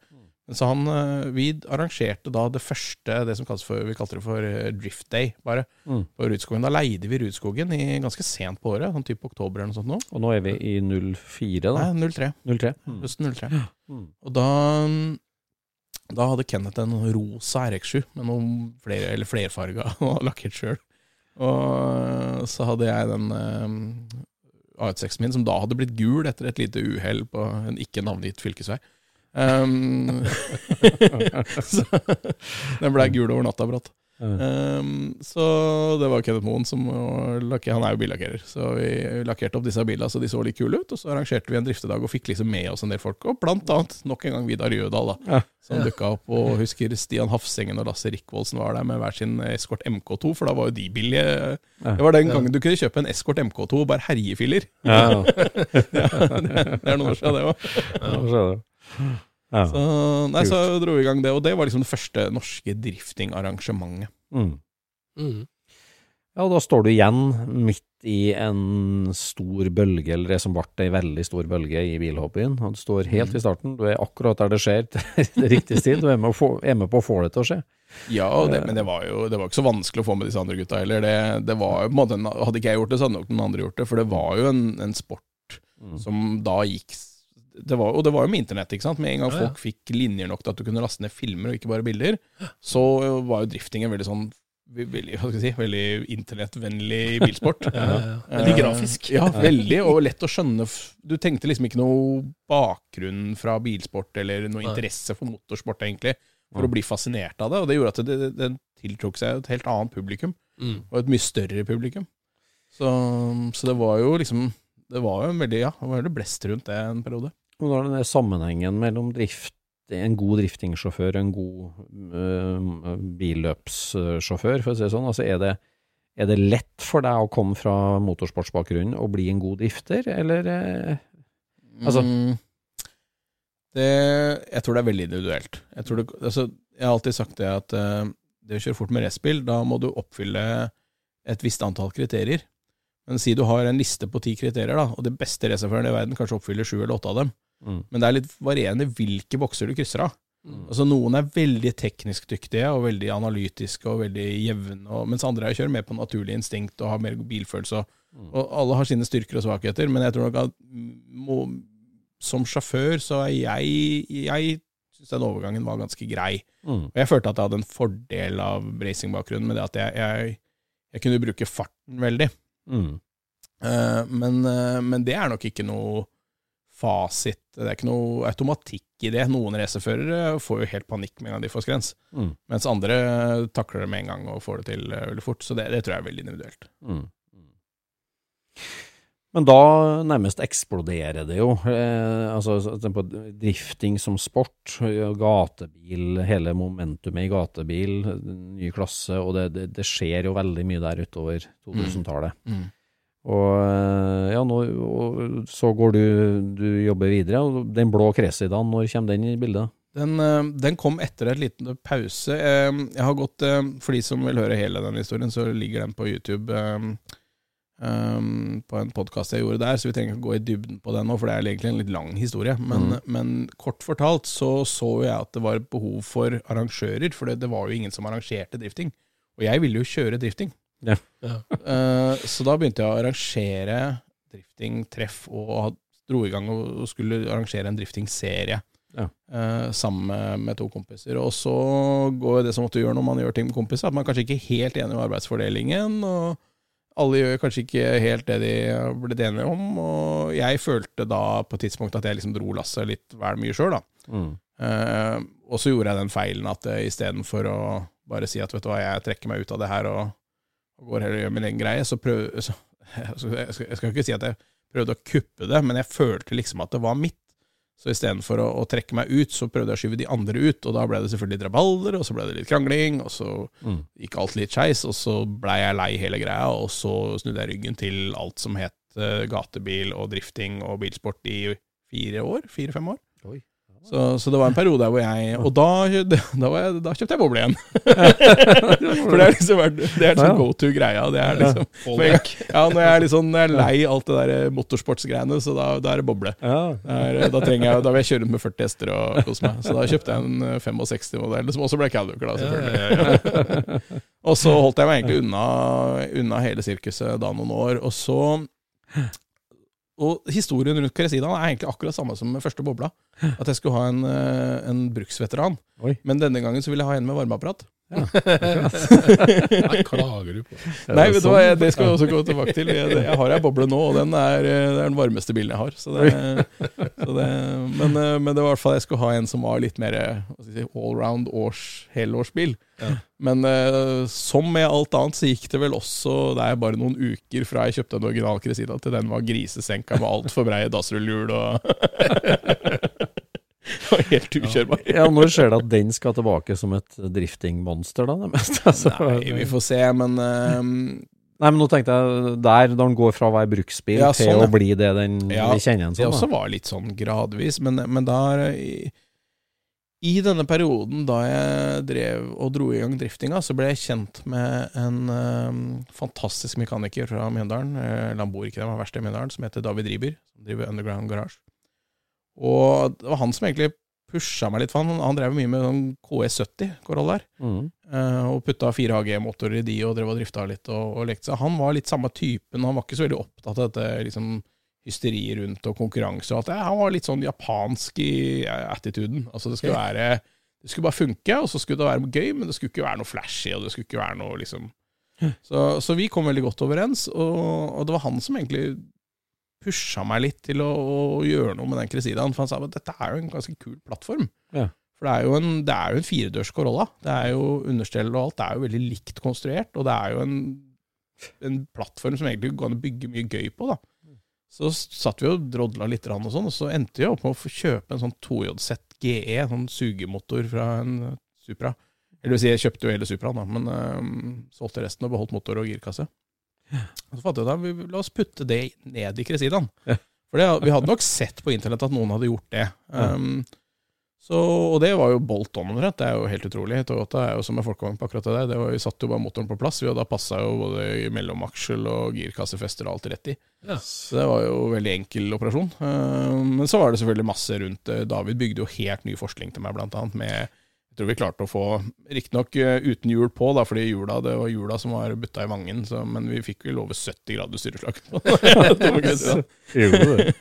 Så det, og han, ja, så han bygde helt nytt custom hele forstillinga og bakstillinga, med fourlink-kasser under baksetet, for dere som er litt tekniske. Ja, ja, ja. så, ikke sant? Um, og med noe Tokiko demper og Ørlins fjærer og hjemmelagde fjærbein med coilover og justerbart. Alltid. Og det var uniballs overalt, og det var ikke fòring igjen på hele bilen. Ikke sant? Det var jo bygd som en ordentlig gruppe A-bil. altså. Ja. Men utvendig så Yes. så du jo helt standard så så senka Ja. gresset i dag. Ja. Og, det, og det var litt av moroa. Så, Så tøft. Altså. så var vi kjørte og Vi fikk den vel ferdig til Jeg husker ikke om det var 2014 eller om det var 2013, men vi fikk den i hvert fall ferdig til siste gatebil på høsten da. Mm. Og kjørte der. Og da vi kom tilbake året etter på gatebil, så var det rett inn og stå, og da husker jeg, og det var litt gjevt, da fikk vi stå på stand til Speedhunters. Ja. Ja, For det var jo den perioden hvor Speedhunters var veldig aktive på gatebil, både i Ja, ja. media og skrev mye om det og sånn, men de var jo der med svær trailer og svært telt, og, og da var det fire sånne skandinaviske utvalgte biler da, som fikk lov til å stå der, og da var jeg en av de, husker jeg, med Cresidaen. Det var, det var gjevt. Det Det er bra. Klapp på skuldra, det. Ja, det var, og da plutselig var du VIP, ikke sant? Ja, ja, liksom var en av de kule gutta. og det, og det, det er jo litt morsomt, for at det hele Jeg tror hele planen min var Eller, jeg skal ikke skryte på meg og si at det var en plan. Det var eh, nødvendig for meg at det prosjektet ikke kosta penger. Ja. For jeg hadde ingen penger. Um, den perioden her så jobba jeg som webdesigner med hjemmekontor, og klarte så vidt å ha liksom ketsjup på pastaen. Det var, eh, det var ikke mye å skryte av. Og, og David Godt, godt, med, godt med venner i Mjøndalen, da. ja, ikke sant? David gjorde på en måte tok hele byggekosten på den bilen. Mm. Og, alt av deler ble gjort så billig som mulig. Men, eh, så det å komme på gatebil da med en bil med 200 hester, som hadde kosta ja, kanskje 50 000 å bygge, Mm. eh, og få liksom Så kred, både, ja, både det å kreden og det å få være med og bli tatt imot på den måten. Mm. Det, for det første så er det jo et fantastisk eh, miljø altså, som, som kan gjøre noe sånt. Så det er jo ikke mange steder, spesielt ikke i Norge, da, men hvor janteloven står så sterkt, hvor du kan komme, altså være så underdog, og så blir du bare omfavna og tatt inn i et miljø som, som bare syns dette er dritkult. Men, men du brøyta litt vei på, på en måte sjangeren der. altså Det å komme med noe som på en måte så ut som en veteranbil, men som Ja. var så kult, det var jo litt nytt i den Ja, også, men det her også var jo litt det, det var jo tilbake til disse drifting-røttene jeg ville. Eh, fordi jeg, syns jo at drifting hadde utvikla seg veldig feil. Det syns jeg enda. Eh, det er mye sterke meninger om, og har diskutert med mange. Men, men jeg syns jo at drifting skal jo handle Det skal jo ikke handle om bilen. Nei. Eh, og i Japan har de vært ganske flinke til det at de, de bygger biler etter en slags oppskrift der alle bilene er ganske jevnt matcha. Ja. Og så er det vel litt sånn ære i det òg, at du skal, ikke, liksom, du skal ikke bygge noe råere enn han andre. Det er liksom, de, de, de har liksom selvjustis på det. I Norge så er det stikk motsatt. Ja. Og i USA også er det litt sånn stikk motsatt. Det er om å gjøre å bare ha så mye hester at han stakkars andre blir bare eh, frakjørt. og Det, liksom, det blir ikke noe gøy, det blir ikke noe bra konkurranse, det blir ikke noe bra kjøring. Det. Og jeg hadde sett stått og sett på på gatebil og sett alle disse fantastiske bilene. ikke? Som, og det, all ære til de som har bygd altså Det er noen fantastiske bilbyggere ute i det landet her. Det er, Ja, ja. Det er jo Kvaliteten på bilbyggene er jo helt hinsides. Men jeg syns vel kanskje ikke at bilene ble brukt sånn de fortjente å bli brukt. Nei. Eh, det skal være ærlig å si. At det, og, det, og det er altså, ikke noe Mener jo ikke å disse noen, på en måte. For at det er jo, alle har forskjellige interesser, og noen syns det er morsomt å bygge bil, og andre er mer opptatt av å kjøre bil. Um, så jeg, jeg syns jo at det var litt synd å se alle disse tusenhetters driftingbilene bli kjørt litt sånn? Sussete? Ja, rett og slett. Så jeg ville liksom gjøre det motsatte. da, Bygge en bil som egentlig nesten ikke klarte å drifte, og så bare ordentlig ta i, ta i liksom. Det gjorde, det gjorde du til gangs, altså. Jeg husker de Speedhunters-bildene når han ligger på tvers der. Ja, ja, Dere kjenner jo sikkert godt til Magnus Walker. Han fikk jo, fikk jo sitte på en runde. og Det er, det er et klassisk bilde av han på, som Henrik Auli har tatt. Hvor vi er på vei inn i, inn i første svingen på Rudskogen, og da er nok bilen ja, Rumpa peker jo ned mot angsten, og fronten peker jo inn mot depot. Ja. Så det er ikke riktig vei. Nei, nei, nei. Men også ser du Magnus Walker da tydelig sitter og snur seg og ser liksom Hvor er vi på vei? ut liksom bak bakre sideruta for å se på Apex. Ålreit, det. Det er et fantastisk bilde som jeg syns illustrerer veldig det vi at, på en måte fikk til det vi Det som var målet både til David og meg. David, altså tanken, Vi hadde, var veldig sånn felles og tanker rundt det fra vår side. altså Vi var veldig enige, både og jeg, hva vi, hva vi prøvde å oppnå. Og det var jo nettopp det å vise at du Jo da, du kan bygge så fet bil du vil, og du kan bruke så mye penger du vil, men det erstatter ikke kjøretid. Nei. Du må trene, du må, må bli god til å kjøre bil. Mm. Så, og det følte jeg at vi klarte. Mm. Ja, for for da skjer det liksom fort med Cresidaen, tenker jeg. Altså, den blir jo får en slags sånn kjendisstatus, bilen i seg sjøl, og deg selvfølgelig som sjåfør. Ja. Og det her med Nürnbergring og, og, og, turene her, og mm. filmene og øh, det, digit, altså, det, det, det digitale øh, hva skal jeg si, momentumet den bilen får og etter hvert. Liksom, Mhm. du, du er veldig flink til å Ja, det spille jo- det der. Ja, riktig. føles jo litt tilfeldig, men samtidig så Tanken har jo alltid vært at hvis det åpner seg en dør, Mm. så skal, det, skal jeg inn og kikke hva som er bak den døra. For, det, for jeg er alltid litt nysgjerrig på å se hva hvilke muligheter som åpner seg, og hva som skjer hvis man bare hopper i det litt. Mm. Og det, det gjorde jeg ikke. Det var mange år hvor jeg ikke gjorde det. Og, og jeg følte at det var eh, Med Cresidaen så fikk vi liksom åpna en haug med dører som jeg ikke egentlig visste at eksisterte engang. Mm. Og det, det førte til så mye rart og uforutsett. Og, Spennende. Uh, ja, og det, det åpna veldig mange muligheter. Så det starta kanskje med at jeg ble jo jeg hadde jo, Fra jeg begynte med drifting, så en av de andre som slang seg på veldig veldig tidlig, var jo Eller som egentlig hadde begynt med det parallelt, tror jeg. For han også hadde bygd en driftingbil uten egentlig å kalle det en driftingbil. Men det var jo Fredrik Aasbø. Mm. Ja. Eh, som jo også var egentlig like tidlig ute som Kenneth og meg, men som kanskje gjorde litt mer i det stille i starten akkurat der. Men, eh, men vi ble kjent med han veldig, veldig fort. Mm. Og han hadde jo da denne E30-en sin med, med, med en M3-motor i, Mm. som han kjørte. Og, så vi ble jo kompiser da i den perioden der, og jeg har liksom alltid hatt god dialog med han og på en måte fulgt han gjennom hele karrieren. Og, og så når jeg kom med Cresidaen på gatebil, så var jo han også en sånn Toyota-ambassadør, på en måte. Mm. Og da Så vi har hatt mye kontakt, og Mm. Ja, så det, og det Så det åpna seg masse dører, og du uh, tok sjansene som bøy seg, og som du sier, du, du sleit ut du. Ja, jeg gjorde det. Og, men det jeg skulle fram til med Fredrik, da var at han ble jo da kasta Bilen hans egentlig ble jo kasta i den første Burning-filmen. Ja. Som liksom bad guyen der. Han, karakteren TT kjører jo, kjører jo Den GT86-en til Åsbø. Mm. Og da, da sa jeg egentlig til Fredrik at der, der skal jeg være med. Det skal jeg være med på. Eh, og, da, og sånn ble det. Ja. Så i den første filmen der, så var det jo hadde, Jeg hadde jo allerede gjort noe filmgreier. Jeg hadde gjort litt stuntjobber på litt reklamefilmer og gjort en spillefilm og litt sånt. Så jeg hadde, jeg hadde liksom en fot innafor. Mm. Men jeg sa at dette skal jeg være med på. Og da, da fikk jo han ordna, så da var jo jeg med med Kresidaen. Um, først var jeg med De filma jo litt sånn De filma først Trondheim-Nordkapp, og så filma de Oslo-Trondheim. Så jeg var først med Trondheim-Nordkapp som bare stuntsjåfør sammen med Fredrik. Og så Da hadde jo liksom produsentene og alt fått med seg denne Cresida og det fenomenet der. Mm. Så fra Oslo til Trondheim så er jo den bilen med litt mm. i filmen. Ikke mye, men den er liksom Jo, jo, en sånn liten bi- birolle der, da. Mm. Um, og det, det var det som åpna hele denne filmkarrieren, på en måte, da, og, og gjorde at jeg gikk fra å sitte hjemme på promperommet og designe websider til, for klapperglansbilder, til å faktisk ha et yrke. Altså, Ja, ja. som, som på noe jeg er god på. Ja. Uh, så det var jo Så all ære til Fredrik, egentlig, som klarte å, å få meg med der. Og så, Det var liksom en av de dører, berømte dørene da, som bare åpna seg, og som, Mm. måtte, hvor ballen bare begynte å rulle.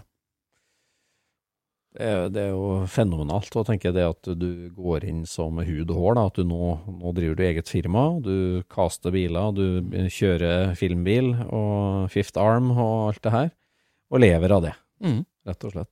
Ja, nei, det, og alt kan egentlig Alt kan spores tilbake til Kresidaen. Det var egentlig den som starta mye av det. Så det, det har vært mange ting opp igjen. Har mange sånne si, veiskiller, ikke sant? hvor du, du har tatt et valg, og så har det kanskje noen av de vært riktige og noen vært feil. og sånn, men, men det største veiskillet, som har hatt størst innvirkning på livet, det var den Kresidaen. Mm. Det å tørre å, tørre å bruke penger jeg ikke hadde på den. Ja. Så du anbefaler bruksveteran, altså? Jeg anbe- Nei, jeg anbefaler hvis det er noe du har skikkelig lyst til, og som du tror kan gi deg noe positivt, Ja, ja. så gjør det. Ikke, ja. Det er det jeg anbefaler. Jeg, jeg vil ikke være noe mer konkret enn det. ja, det er fantastisk, Fredrik. Men, men i dag så driver du jo og ratter eh, Ja, det er vel ikke akkurat noen veteran, men eh, Nei! Det, du tenker på den, den sorte fare? den sorte ja, for nå er du tilbake som motorsportsutøver igjen, Ja. rett og slett. Ja da, det, og det var jo i hvert fall uventa. Ja. Um, ja, nei, de siste to årene nå så har jeg kjørt eh, NM i racing med Lamborghini. Og det, I fjor kjørte jeg en eh, sånn Huracan Super Trofeo, som er en cupbil. Og i år så kjørte jeg den videreutvikla versjonen som Cyrus Engineering i Nannestad har laget. En sånn 1200 hesters twin turbo-utgave av Huracan, som er sånn Huracan på steroider, altså. Um, ja, altså, det, det er jo helt altså, Gitt den historien vi har snakka om nå, altså Formel Ford, Cresida, 200 hester og sånn, Mm. det her er jo, det er jo ekstremt, og det er jo helt brutalt. Ja, ja. Og du må jo bli redd. tenker jeg. Ja, eh, både og. Men ja, det, er, det, altså, det, det komiske her er jo at hele mitt liv så har jo, som du sier, jeg vært litt fokus på dette med å være litt underdog og kjøre biler med lite motor, ikke sant. Og så, og så, og Så sitter du på andre sida av bordet. ja, og, men, men det som er at eh, jeg har kjent eh, Radny, da, Radny Molampour, som, som driver Cyrus, og som er på en måte primus motor bak eh, det, det prosjektet her. Han har jo kjent i mange år. Han har vært en del av gatebilmiljøet så lenge jeg kan huske, egentlig. Og, og med Carbon Supra og S15 med Opel DT-motor og masse sånne helt crazy prosjekter. Og han har egentlig alltid sagt til meg, hver gang vi prata sammen, så har han sagt at nei, men han har lyst til å dytte meg inn, inn i en sånn racerbil. Men så har han jo på en måte hatt Han har kjørt sjøl og sånn, så han har liksom ikke hatt Og har jo også hatt begrensa med midler og sånn. Men han har sagt at en dag Mm. så skal jeg ha mer enn én racerbil, og da skal du kjøre Ja. for meg. Og så har jeg tenkt sånn, ja, men det er hyggelig av deg å si, ikke sant. Det er sånn, det er- sånn man sier til en kompis bare så Når jeg vinner i Lotto, da, ikke sant. Ja, ja. Så skal dryppe på da. ja. Og så ringer han altså her for Ja, det må jo være snart tre år siden, da. Og så ringer han og sier han, du, hva gjør du nå i helga? Så sier jeg, «Nei, Dette var på en torsdag, klokka to eller noe sånt. Så sier jeg nei, jeg har ikke noe spesielle planer. Nei, at eh, da hadde de De hadde jo da på et tidspunkt tre sånne supertrofeer. Hvor eh, Alfred Bakken, som eier dem, kjørte den ene. Og så hadde det, var det mm, Trond Garberg fra Trondheim som kjørte den andre. Og så leide de ut den tredje. Mm. Men så hadde de ikke noen til å kjøre den helga, så de hadde ikke noen til å leie, som skulle leie den. Og da var, han- hadde han fått snakka med Alfred og sa at «Nei, men vet du hva, nå, nå er det tida inne. Nå skal Fredrik kjøre den bilen. Så han ringer meg, og jeg sier at nei, kan jeg kjøre, jeg, og rekker jo Bilsportforbundet da kvarter før det stengte for å få løst ut lisens og sånn, ikke sant. Ja. Og rett ned og pakker bagen, og rett ned til Rudskogen. Og dag morgenen etter klokka åtte så sitter jeg ute og kjører warm-up i en Lamborghini med 620 hester. Ja, herregud. Og, og Rodney er litt sånn Ja, men du har jo kjørt sånn bil før, du. Jeg bare Ja. Nei. Ikke si det til noen. Ja, du har aldri kjørt noe med mer enn 300 hester? I hvert fall ikke en GT-racerbil. Men det gikk, det gikk veldig bra ganske fort. Det var, det var Jeg trodde det skulle være mye verre. Jeg trodde at det å hoppe inn i en sånn bil skulle være litt som å begynne helt på nytt. da Og Ja, det jeg- jeg at det skulle være veldig voldsomt og veldig sånn Veldig vanskelig. Men, men så viste det seg at den hadde firehjulet ratt, den òg. Ja. Så det var ikke så vanskelig, egentlig. Yes. Så det har gått bra, det. Ja, det har jo gått, uh, gått veldig bra. Vi har jo vunnet fjor vant vi nesten alle løpene, og i år også så hadde vi Vi vant NM i både år, fjor og i år. Så det var gøy. Det, Fantastisk.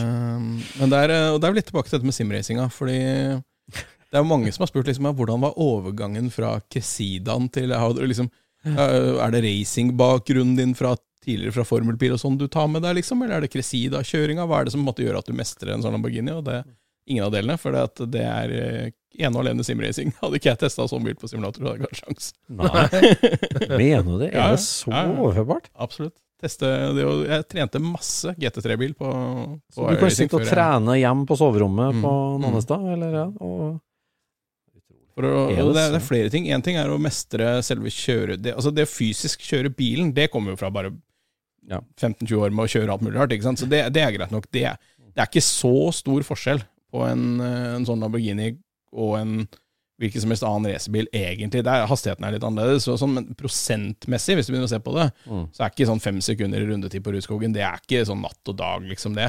Ja. Så, så kanskje det nærmeste jeg hadde kjørt, som på en måte var mest likt Lamborghinien, var nok den N6-en jeg har. Mm. For Den har jeg prøvd på bane litt, og den sånn balansemessig chassis og sånn, så er den veldig lik. Den har bare mye mindre effekt, da. Mhm. Ja, det er Så det er vel kanskje det som er mest likt av det jeg har kjørt i virkeligheten. Men, men det er simracing som gjorde at jeg klarte å liksom holde styr på alle knappene på rattet og alle disse, alle disse tingene. For det er, det bare det å starte den bilen er en sånn sjustegsoperasjon, ikke sant. Nei. Så, så det var liksom Nei, det er fantastisk. Da er jo sirkelen slutta, på en måte. Eller ikke slutta, du ser alltid framover og oppover, men eh, du, du er bak racingrattet nå, i hvert fall, og, og Ja, kjører etter Ja, 20 år etter at jeg la opp, så var jeg plutselig jo Etter at du gjorde far din- 20 år etter at du gjorde far din blakk. Ja, ikke sant? Han har kommet seg på beina igjen, han. Ja, det er bra. altså. det. Det er veldig bra. Godt å høre. Nei, det er veldig bra. Det her ble en lang reise, og det er en, en, en hyggelig og en lang eh, eh, episode. Det, har- du må komme tilbake, Fredrik. Vi har så mye mer å prate om. Ja, Ja. jeg vi bor jo ikke så langt unna. For eh, følelser rundt bil, og hvilke følelser de fremkaller, og hvordan det går an å være så bilinteressert, men ikke teknisk interessert. Det, det, det syns jeg er fantastisk. Og det her var veldig hyggelig.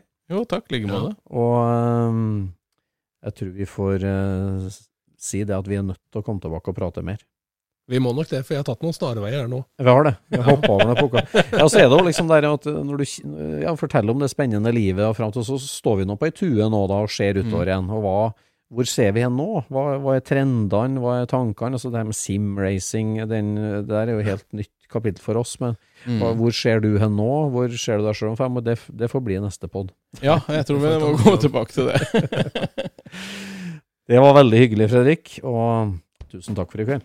Takk for besøket. Tusen takk for at jeg fikk komme. Scootchpoden produseres av SSC Media, med god hjelp av VV Norge og Trond Dahl for hosting, Knut Micaelsen for musikk.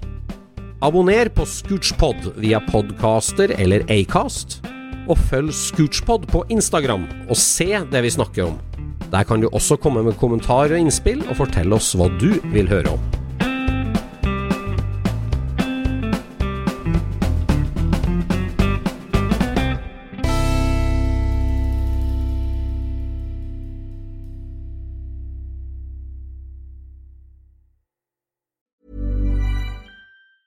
Even when we're on a budget, we still deserve nice things. Quince is a place to scoop up stunning high-end goods for 50 to 80% less than similar brands. They have buttery soft cashmere sweaters starting at $50, luxurious Italian leather bags, and so much more.